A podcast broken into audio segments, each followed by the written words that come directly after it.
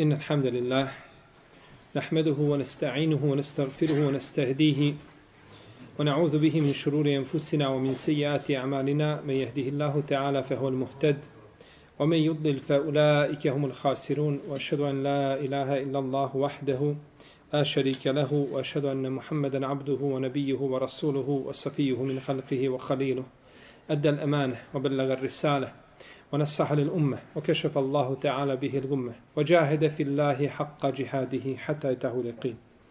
أما بعد فإن أصدق الكلام كلام الله تعالى وخير الهدي هدي محمد صلى الله عليه وسلم وشر الأمور محدثاتها وكل محدثة بدعة وكل بدعة ضلالة وكل ضلالة في النار. ثم أما بعد. صفة الصلاة النبي صلى الله عليه وسلم. Poglavlje svojstvo namaza Allahovog poslanika sallallahu alaihi wasallam. Ovdje kada kažemo svojstvo, mislimo na kakvoću. I u ovome poglavlju autor je spomenuo 14 hadisa. Neki od njih su opširni, kao što je drugi hadis nakon ovoga koji slijedi, o kome ćemo govoriti u narednim predavanjima i koji će sigurno uzeti dva, ako ne možda i tri predavanja.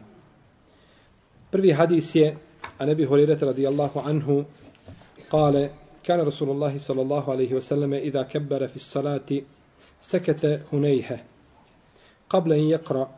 فقلت يا رسول الله بأبي أنت وأمي أرأيت سكوتك بين التكبير والقراءة؟ ما تقول؟ قال أقول اللهم باعد بيني وبين خطاياي كما باعت بين المشرق والمغرب. اللهم نقني من خطاياي كما ينقى الثوب الأبيض من الدنس اللهم اغسلني من خطاياي بالثلج والماء والبرد Kada kažemo kjane, da je poslanik sa osvijem činio pomoćni glagol biti, to nam ukazuje da je to poslanik sallallahu sallam činio često ili u većini slučajeva, a ponekad se kjane upotrebljava ako se određena stvar desi samo jedan put. Upotrebljava se znači i u tom i u tom slučaju. Potom je autor govorio o riječi mekete hunejhe ili sekete hunejhe, da bi malo zaustavio se, stao, pa je dugo autor govorio o toj riječi, ali nas ovdje to jezičko razilaženje toliko ne interesuje. Ovdje kada je rekao da je šutao poslanik sallallahu alaihi wasallame kada je spomenuo, misli se šutao je od učenja na glas. A ne misli se da je općenito šutao. Ne misli se na općenito šutanje. Znači, šutao je u smislu da nije učio Kur'an, ali nije šutao u smislu učenja dove i zikra. Na to nam ukazuje šta? Nisam preveo hadisa na bosanski? A zar ga niste razumijeli? Nismo preveli hadis. Haula wala kuvvete illa billah. Dobro. Od Ebu Hurajra radijallahu anhu se prenosi da je rekao kada bi poslanik sallallahu alejhi ve donio tekbir početni tekbir za namaz malo bi ušutao ili jedno znači jed, napravio bi jednu pauzu prije nego što bi učio Kur'an. Pa sam rekao Allahu poslanice ocem i majkom te iskupljujem Šta govoriš dok šutiš između tekbira i učenja?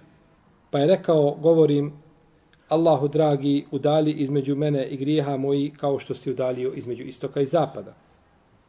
Allahu dragi, očisti me od grijeha moji kao što se čisti bijela odjeća od prljavštvine. Allahu moj, operi me od grijeha moji sa snijegom i vodom i gradom. Ovo je hadis Ebu Hureyre, sada u prijevodu. Dakle, kazali smo da su riječi a, sekete Huneyhe da je malo šutao, ne misli se na općenito šutanje, nego se misli da nije učio Kur'an, nije učio to na glas, ali je tu bila dova i bio je zikr. Šta nam je dokaz za to? Ko zna? Pa dokaz nam je, braću, isti hadis. Hadis. Sam je rekao, šta je rekao? On je njega upitao, Allah poslije, šta govoriš? šta učiš tada dok šutiš.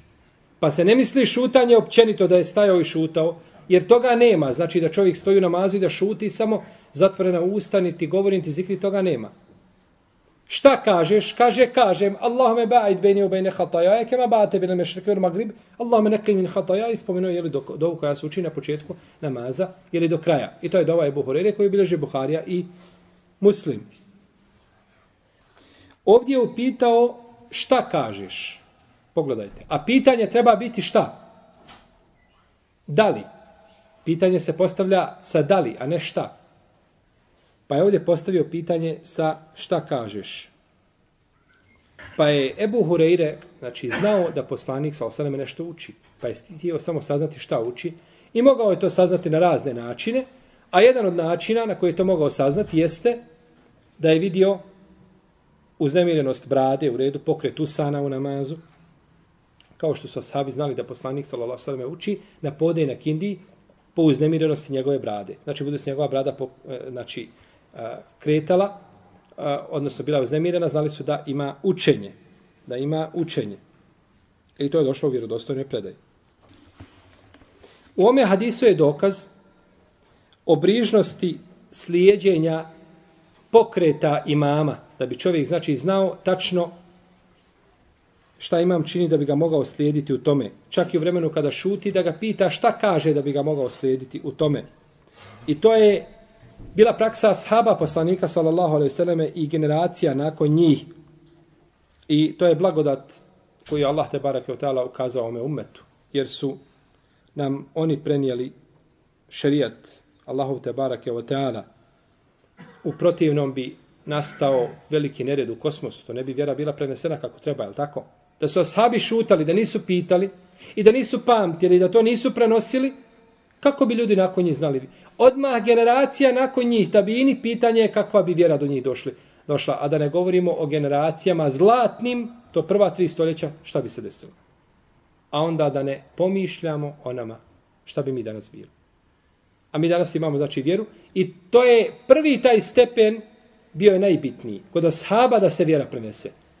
A nakon toga onda ljudi su to počeli zapisivati, jeli već u drugom, trećem hiđarskom stoljeću to je počelo, počelo znači masovno da se zapisuje i da se pamti i raširila se islamska država i ljudi su puno više prenosili, pa je broj tabina kudi, kudi kamo veći nego broj čega? Ashaba. Zato lanac prenosilaca, braćo, kad ide, kad pravite a, a, šeđaratuli snad ili drvo lanca prenosilaca, ide gore ashab jedan, pa se grana na dva ili tri tabina, pa sa tri tabina možda na 15 tabi tabina, pa onda na 30 u narednoj generaciji. Znači, dole se uvijek grana. Zato što je ashaba uvijek manje bilo, pa su od njih, znači, slušali, od njih su slušali hadise poslanika, sallallahu alaihi wasallam. Allahumme, o ovoj smo riječi govorili o poglavlju istitabeta i nju smo pojašnjavali, znači šta znači. Allahumme ba'id bejni u bejne hatajaje, Allahu dragi udali između mene i grijeha moji. Ovdje se misli čišćenje grijeha. Znači, udali odnosi se na čišćenje grijeha ili da te uzvišeni Allah te barak tela ne kažnjava za te grijehe ili ono što je najbolje, a to je šta? Da ga nikako ne počiniš da ga nikako ne počiniš. To je najbolje. To je bolje nego oprost. Iako je oprost od Allaha hajri bereket, ali je bolje čovjeku da ne griješi nego da griješi pa da čini grijeh. Ovo se govori o, naš, o namjernom griješenju. A u protivnom svaki će čovjek biti griješnik i griješće, jer da mi ne griješimo, uzvišeni Allah bi nas maknuo sa lica zemlje i doveo ljude koji će griješiti pa da traže oprosta pa da im oprosti. Ovo je poslanik sallallahu alejhi ve selleme učio ovu dovu. Jeste vidjeli njen znači kontekst kako glasi, učio je da bi poučio ljude, Ha da bi poučio ljude, znači ovoj dovi, ili radi pokazivanja i izražavanja robovanja. Jedan je znači od dva razloga. I preče bi bilo kazati da je zbog ovog drugog to radio. Šta? Radi simbola robovanja. Da simbol robovanja bude dominantan kroz ovu dovu. To bi prije bilo nego da je to činio radi čega? Radi poučavanja. Znate zbog čega? Kako to je javno? Bravo. Allah je barek fik. rekao bi to na glas. Ne bi to činio u sebi da je bilo zbog čega? Zbog poučavanja. Rekao bi to na glas ljudima tako i tako, nego znači budući da je to radio u sebi, bilo je zbog izražavanja robovanja, a svakako da će to doći ovim ili onim putem do, do ljudi. I kaže imam El Kurtubi u svome dijelu Mufhim, to je komentar imama muslima, njegovog sahiha, kaže u ovoj dovi je žestina poslanikovog sa osvijem traženja oprosta jeli, i udaljavanja od grijeha. Minet denes od prljavštvine. U drugoj predali je došlo minet deren, a u trećoj predali je, predali je došlo minel vosih. Minel vosih, ali isto je značenje, sve, od, znači, od prljavštine. Pa ponekad dođe, znači, hadis u više verzija. Zbog čega? Zbog čega hadis došao minet denes, minet deren, minel vosih, Različit pute, otkud, je to poslanik rekao tri puta hadis? Ili je jedan put pa neko mijenjao, ili kako je? Da je sve tri puta, moguće, u redu. Ali to nije rekao, sigurno tri puta. Tri razumijeva. Ravije prenosile braćo uz hadis u značenju. Nisu doslovno, nego u značenju. Znači, ponekad se može prenijeti nešto u značenju. Kod ljudi je džamija i mesčid isto. I ti kažeš, ušao je čovjek u džamiju i ušao je u mesčid. Ljudi ne pravi razliku. Ima li kakve razlike od dvije riječi? Nema, isto je. Jedna te ista riječ, dva značenja. Mine deren, mine, mine loseh, mine, mine denes, isto je. Pa su ravije prenosile to u značenju. A nije poslanik, sam se rekao tri, to tri puta. Šta je najveći dokaz za to? Zato, braći, što hadis prenosi jedan asab. Ebu Horeide, ne prenosi ga drugi. Pa kada dođe od jednog asaba, znači ta isti asab bi ga morao čuti tri puta da kaže na tri različita načina. Što je teško pojmiti. I ovdje je bitan zato mahređul hadis, porijeklo hadisa. Pa kada hoćeš da znaš da li je nešto poslanik, sa osam rekao, na dva ili više načina, moraš gledati izvor hadisa odakle je došao, koliko je ashaba reklo. Pa ako je, asa, ako je hadis prenijelo nekoliko ashaba, postoji mogućnost da je ponovljen. Postoji mogućnost. Ali ako je jedan ashab, nema ponavljanja. Neće poslanik sa osam govoriti jedan te isti hadis, hadis i ponavljati ga ljudima. On ga je kazao i to je došlo na poslaniku je sa da kaže, a uzvišeni Allah će to do, prenijeti jel, do, do ljudi. I ovdje je spomenuta bijela odjeća, zato što je fleka ili prljavštvina na bijeloj odjeći uočljivija nego na drugim bojama. Zbog toga je spomenuta. I kad se bijela odjeća očisti, onda pogledajte, kaže što je lijepo i što je čisto. Tako? A to se ne kaže za crnu i za smeđu. Jer na njoj se onako ne vidi ništa. Odno, odnosno, jako malo se vidi. Pa je došla bijela boja, znači zbog, a, da, da, da ukaže, znači na, na čišćenje, odnosno na kulminaciju tog čišćenja. Allahum silni, gospodaru moj, okupaj me, saperi me, jeli? Ovdje je došlo, izraz je kupanja došao ovdje, koji ukazuje na potpuno čišćenje od grija. Jer čovjek je pri kupanju treba da, šta? Sklasi cijelo tijelo. Znači, da očistiš cijelo tijelo. Tako se, znači, čistiš od grijeha cio i od svih grijeha. Jel u redu? Jer ovo su, braćo, znači, ova poistovjećivanja imaju svoje značenje. Zbog čega je poslanik, sal na takav način poistovjetio. Pa je ovdje došlo tri vrste voda koje nam dolaze s neba. Grad, kiša, snijeg. To nam dolazi sa, u vidu voda sa neba. Pa su spomenute, znači, sve tri, da bi oprale čovjeka ili, ili se mislilo, znači, da svaka od ovih opere. Kao grad što opere, pa što snijeg opere, pa što voda nakon toga sapere. Ovdje je došlo očisti me od grijeha sa ovim, iako bi mogla to sama voda učiniti, no međutim, došlo je više stvari da ukaže, znači, da ukaže na potrebu za čišćenjem od grijeha. Kako kaže uzvišeni Allah, wa'fu anna, waghfir lana, warhamna. Wa'fu anna, afu je oprost. Waghfir lana i gufran je oprost. Warhamna i smiluj nam se. Dobro, zar ove sve tri riječi ne ukazuju na na isto? Smiluj nam se, oprosti nam i opet nam oprosti. Zar nije to sve vezano za oprost grijeha? Jeste.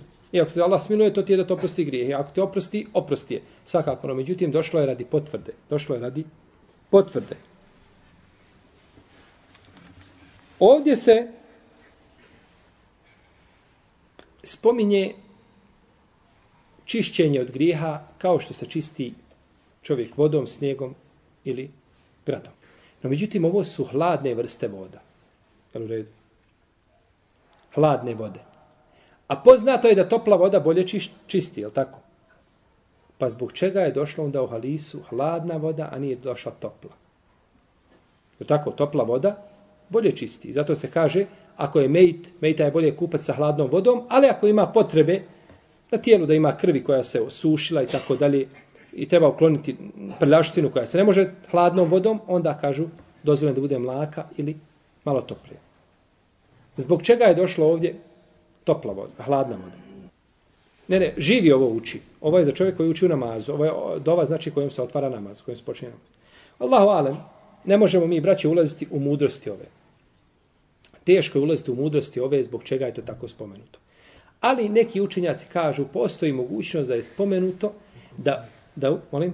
Zbog količine, jer je to da čeka ugriju vode, to, to je mala, ovo je jedna ogromna... Ogromna količina koja će bolje sapirati, jel zbog količine? Može biti. Neki kažu da bi moglo biti da ukaže kako, je, kako su ove vode hladne, koje ga sapiraju, na hladnoću njegovog srca dok je činio grijeh. I dok si činio grijeh, tvoje srce je bilo mrtvo, ohladlo se. Pa da te na isti način da bivaš sapiran onim što si činio. Kažu, postoji ta mogućnost. To je, znači, to su ičtihadi, o tome se može hađiti, pričati. Šta god čovjek da kaže, može kazati. Wallahu teala alem. Postoji mogućnost, ali ne možemo. Kada čovjek diže ruke u namazu i kaže Allahu ekber i diže ruke. Zašto ne kao Allahu ekber i svezao? I zašto diže ruke? Teško je kazati. Neki kažu Allahu ekber, predajem se Allahu. A, kao kad se predaješ ruke, kad dižeš pred neprijatelj, kaže, predajem se, digao si ruke. Tako si digao ruke pred Allahom. Predajem se potpuno tebi, Allahu dragi. Kao što se predaješ čovjek koji te zarobi. Ništa ti više ne posjeduješ, ali tako? Drugi kažu, Allahu ekber, to jeste bacam dunjaluk iza svoji leđa i okrećem se tebi, Allahu dragi. No, međutim, ko može tvrditi 100% da kaže, e, zbog toga je uzvišeni Allah, a ođel, propisao dizajn ruku namazu? Ne možemo to tvrditi. To se ne može. Može se kazati, postoji mogućnost ili jedan od eventualnih razloga i slično tome, no međutim da čovjek tvrdi a, pouzdano kategorički, to je neispravno, jer nema puta i načina da to sazna. I da smo to trebali znati, kazao bi nam to poslanik, sallallahu sallam. Pa je bolje što ne znam. Opteretili bi se nečim što nam neće puno koristiti. Jer sve što nam nije rekao poslanik, sallallahu sallam, i u što, na što nam nije ukazao, to ne trebamo znati. To bi nam bilo samo opterećenje. Pa neka je slavljen gospodar Tebarak u utala koji nas je poučio onome što će nam koristiti, a nije nas zamarao onim što mi ne trebamo da znamo. Bered, odnosno grad, nazvan je Bered, to je od glagola Berede, je brudu, što znači ohladiti, pa je nazvan tim imenom zato što hladi, zato što hladi površinu zemlje. I došlo je kod Mejta da mu se isto tako dovi Vagsilhu bil maji o thelđi ol bered ovo ono što se spominja. Znači za mejta isto tako da se opere sa hlad, znači sa vodom i sa snijegom i sa gradom. U ovoj dovi je došlo jedno stepenovanje. Prvo, došlo je udaljavanje od grijeha. Potom je došlo čišćenje, da se udali čovjek od grijeha. Potom da se očisti od tog grijeha potom da se sapere. Jer je to naj, znači čišćenje može biti da se očistio nešto. Ali kad ga sapereš, onda je šta? Onda je posebno čisto. To je posebna, znači, vršta čišćenja. I zato je došlo, braćo, a, ovdje u pitanjima e, došlo kemaju naka, kao što se čisti. Kao što se čisti, a kada je rekao da me opereš nije rekao kao što se pere, nego je rekao uog silni i operi me. Pa je došlo kao, ha, to je poistovjećivanje. Kada ti kažeš Muhammed je kao lav, je li to a, stilistički jače ili jače da kažemo Muhammed je lav? Šta je jače? Muhammed je lav. To je znači poistovjetio si Muhameda sa svim mogući aspekata sa lavom. Dok ako kažeš Muhammed je kao lav, može biti u hrabrosti, u nekoj, nekim od svojih stava, možda nije u svakom tog segmentu. Pa je ovdje došlo da me očistiš kao što se čisti, a kad je došlo kupanje, nije došlo kao kupanje, nego je došlo kupanje. Znači, čišćenje od griha kao kod kupanja, ništa da ne ostane na tebi. I subhanallah, kako je svaki harf, ne u Kur'anu, nego u riječima poslanika, sa osrem, došao na svome mjestu i ima, znači, svoje značenje i došao je zbog toga i zato je neka ulema govorila, nije dozvoljeno prenositi hadise osim kao Kur'an i ajete. Ako ga ne znaš citirati kao kur'anski ajet, nemoj ga citirati. Ostavi ga. Jer možeš lako izmijeniti značenje, znači, i kada je poslanik sa osrem ovo govorio, sigurno znači da u tome ima, imaju stilističke naznake. Jeste razumijeli ovo sa čišćenjem? Došlo je da ga, da ga očisti kao, pa kod čišćenja je upotrebljen taj harfu tešpih ili e, e, znači čestica za poistovjećivanje kao. Da ga očistiš kao. No međutim, kazali smo to kao kada dođe Muhammed je kao lav, da je to slabije stilistički nego Muhammed je šta? Lav. Pa je zato od kupanja došlo da me opereš.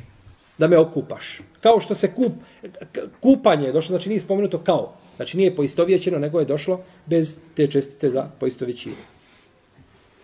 Ovim hadisom dokazuje imame šaši od e, šafijskih učenjaka da je grad i kiša, jeli svakako i snijeg, da su čisti. I to nema razilaženja među lemom.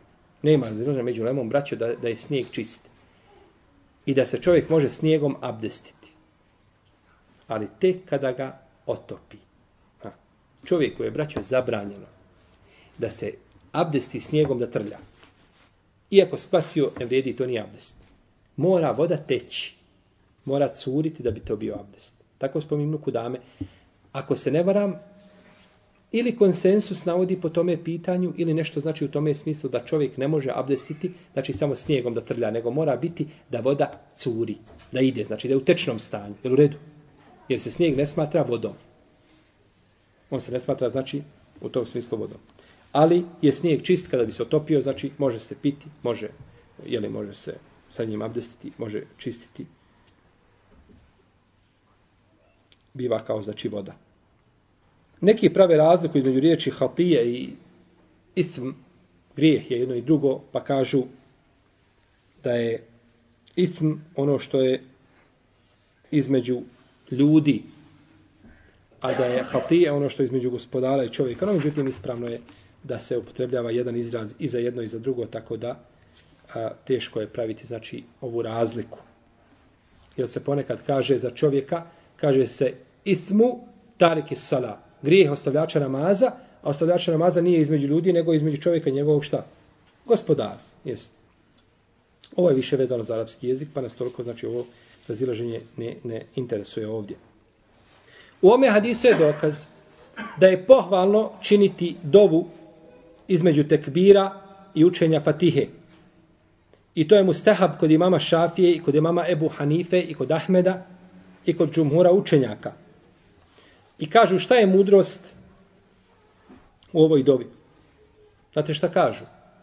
Kažu mudrost je da se čovjek kroz ovu dovu privikne odnosno pripremi na najbolju dovu koja se uči. A to je Fatiha.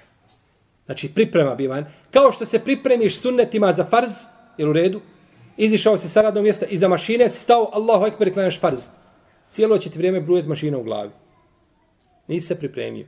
No međutim, kada klanjaš dva rekiata sunneta, pa još dva rekiata sunneta, znači tada se pripremiš, očistiš se za farz koji je najbitniji da se obavi na najljepši način. Tako isto i ovdje. Uči čovjek znači ovu dovu prije učenja prije učenja najbolje dove. Što se tiče ove dove, dua ul istiftah, dova za kojom se otvara ili počinje namaz, došlo je nekoliko dova. Došla je prvo ova dova od Ebu Hurere koju bilježe Buharija i Muslim, Allahume ba'id beni u bejne hatajaje. E, došla je dova Ali radijallahu ta'ala anhu, od džehtu a poduža dova. A, došla je koju bilježi Muslim, I nju je odabrao imam Šafija zato što ova dova odgovara kuranskim znači terminima, odnosno kuranskom ajetu. A, došla je dova od Ajše, Subhanak Allahume obihamdike, poznata dova jeli, koja se uči kod nas. Nju bilježi Ebu Davud i nju bilježi Tirmizi i imam Ebu Davud i Tirmizi su ovu dovu ocijelili slabom.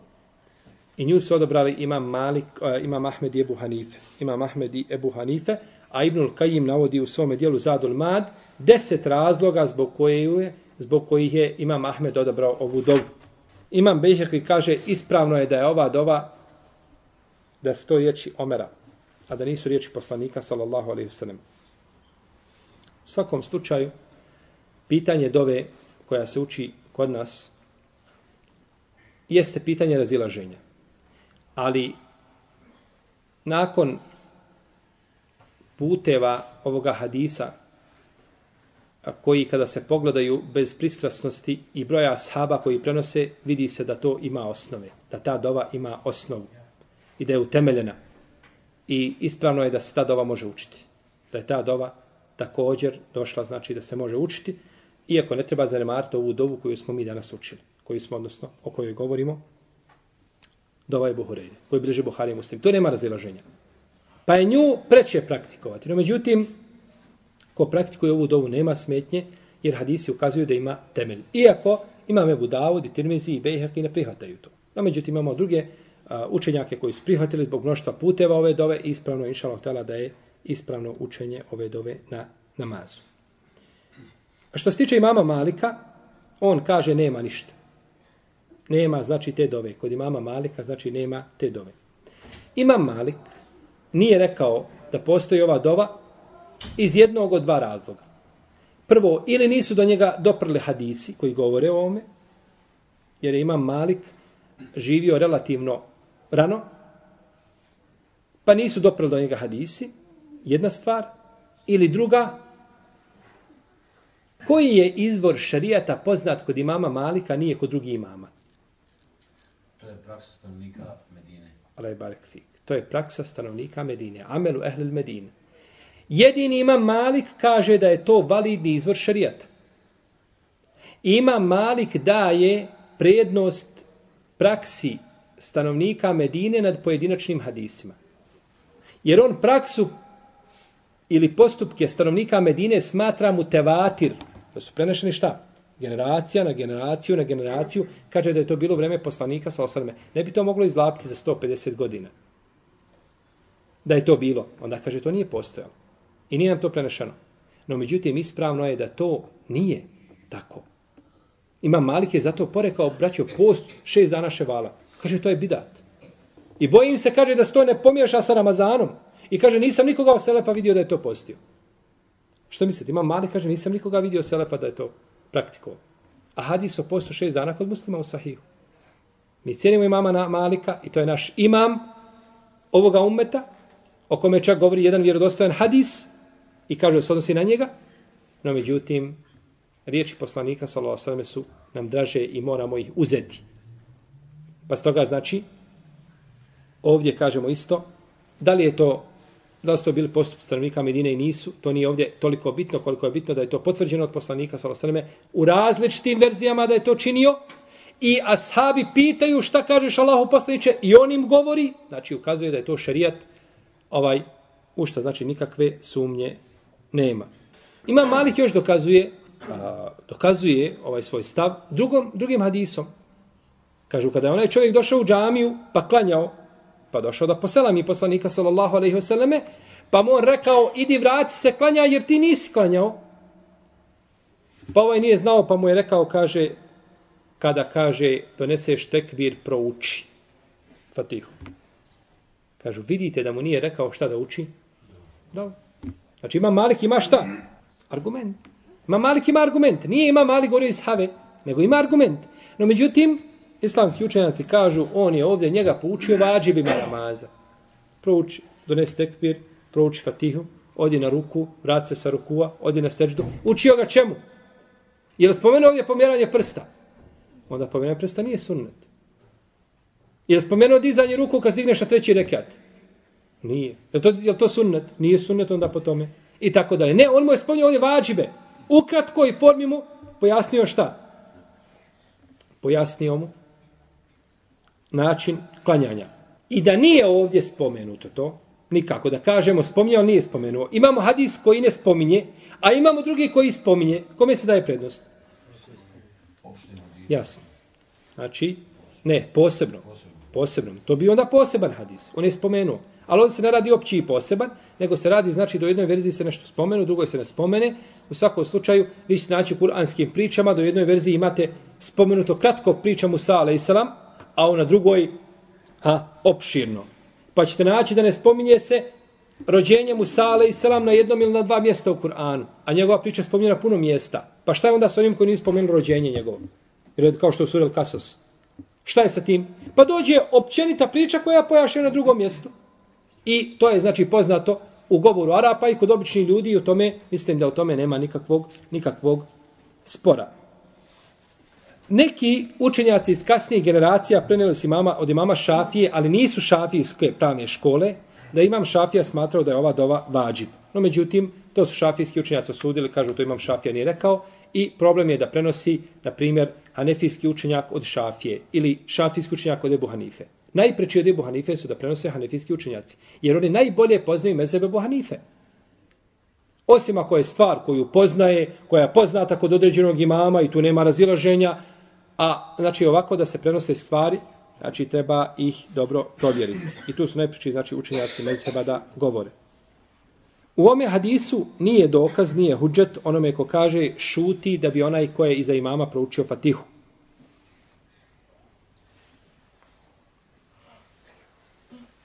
Nije dokaz, jeli,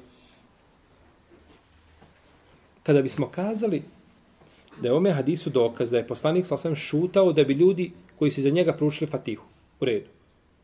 Kako ćemo pobiti ovo? Imamo li jasan dokaz za to? Imamo po pitanju pokreta, po pitanju učenja. Ti kada učiš nekada fatihu tiho, u sebi, na podne, imam uči dovu od džehtu od džehtu je, fatara samavati u Uči dovu duga, a ti učiš kratku dovu. Subhanak Allahumma. I proučiš je fatihu, on možda još nije dove proučio. I onda on uči tek fatihu. jes ga preteko? Jes. Čime ćemo dokazati da čovjek a, odnosno da ovaj hadis da u njemu nema dokaz onima koji kažu da je poslanik sa osam šutao da bi neko proučio za njega patihu. I s tim hadisom možemo dokazati.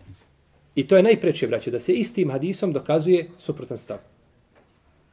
Jednostavno, zato kada se je poslanik sa digao na drugi rekiat nije šutao, nije ostavio taj prostor. Jer u redu? Da im je ostavio to na prvom rekiatu, to bi im trebao ostaviti na drugom, a na drugom i nije ostavio taj prostor. Što znači da nije taj prostor bio za šta? Za učenje Fatihe. I to je znači, i to je jasno, i to se zaključuje iz hadisa.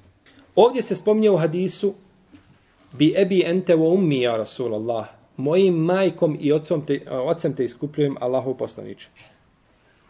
Pa nema razilaženja kod uleme da je dozvoljeno čovjeku da kaže iskupljujem poslanika sa osalem mojim ocem i mojom majkom. To znači preči si mi Allahu poslaniče nego, nego moj roditelj. No međutim, da li je to dozvoljeno kazati drugim ljudima, vjernicima mimo poslanika, salosaleme, o tome imamo tri mišljenja. Imamo mišljenje da je dozvoljeno bez znači, pogrde, da je zabranjeno, da je to vrijedilo samo za poslanika, salosaleme, imamo treće mišljenje da je to dozvoljeno učenim ljudima uh, koji su nasljednici Allahovih poslanika, odabranim znači, ljudima. U svakom slučaju, Ibn Mulakin je odabrao da je dozvoljeno to reći drugim ljudima bez, bez kerahijeta, znači bez pogrde. Ovdje je upotrebljena u hadisu simbolika, jer su riječi ili jedna dova upotrebljena šu, e, nazvana šutnjom. Nazvana je šutnjom, što je svakako simbolika, to nije šutnja. I u ome hadisu je dokaz da treba učene pitati o znanju. Znači ono što čovjek ne zna da pita učenog, kao što je Abu Hurere pitao poslanika, sallallahu alaihi ve sallam. I ome hadisu je dokaz da imam, braćo, može učiti dovu sebi kad predvodi ljude. Je u redu? Kako uči dovu? Allahume ba'id bejni u obejne hatajaje. Udali, Allahu dragi, udali između mene i mojih grijeha. Nije rekao između nas i naših grijeha, nego govori u jednini. Jel tako? Kao kada učimo kunu dovu. Šta kažemo? Allahumma hdini fimen hedejt. Uputi me i sebi doviš sa onima koje si uputio. U afini meni fi, fi men afid. Znači, za sebe doviš u jednini. Jel u redu? A u stvari ljude predvodiš u namazu, na primjer, i doviš im. Iako neki kažu ovdje treba doviti u množini. U svakom slučaju, jer ovdje spoljašnje značenje hadisa ukazuje da je Allahov poslanik bio šta? U namazu, da je bio imam, jel tako? To se zaključuje iz spoljašnjeg značenja hadisa.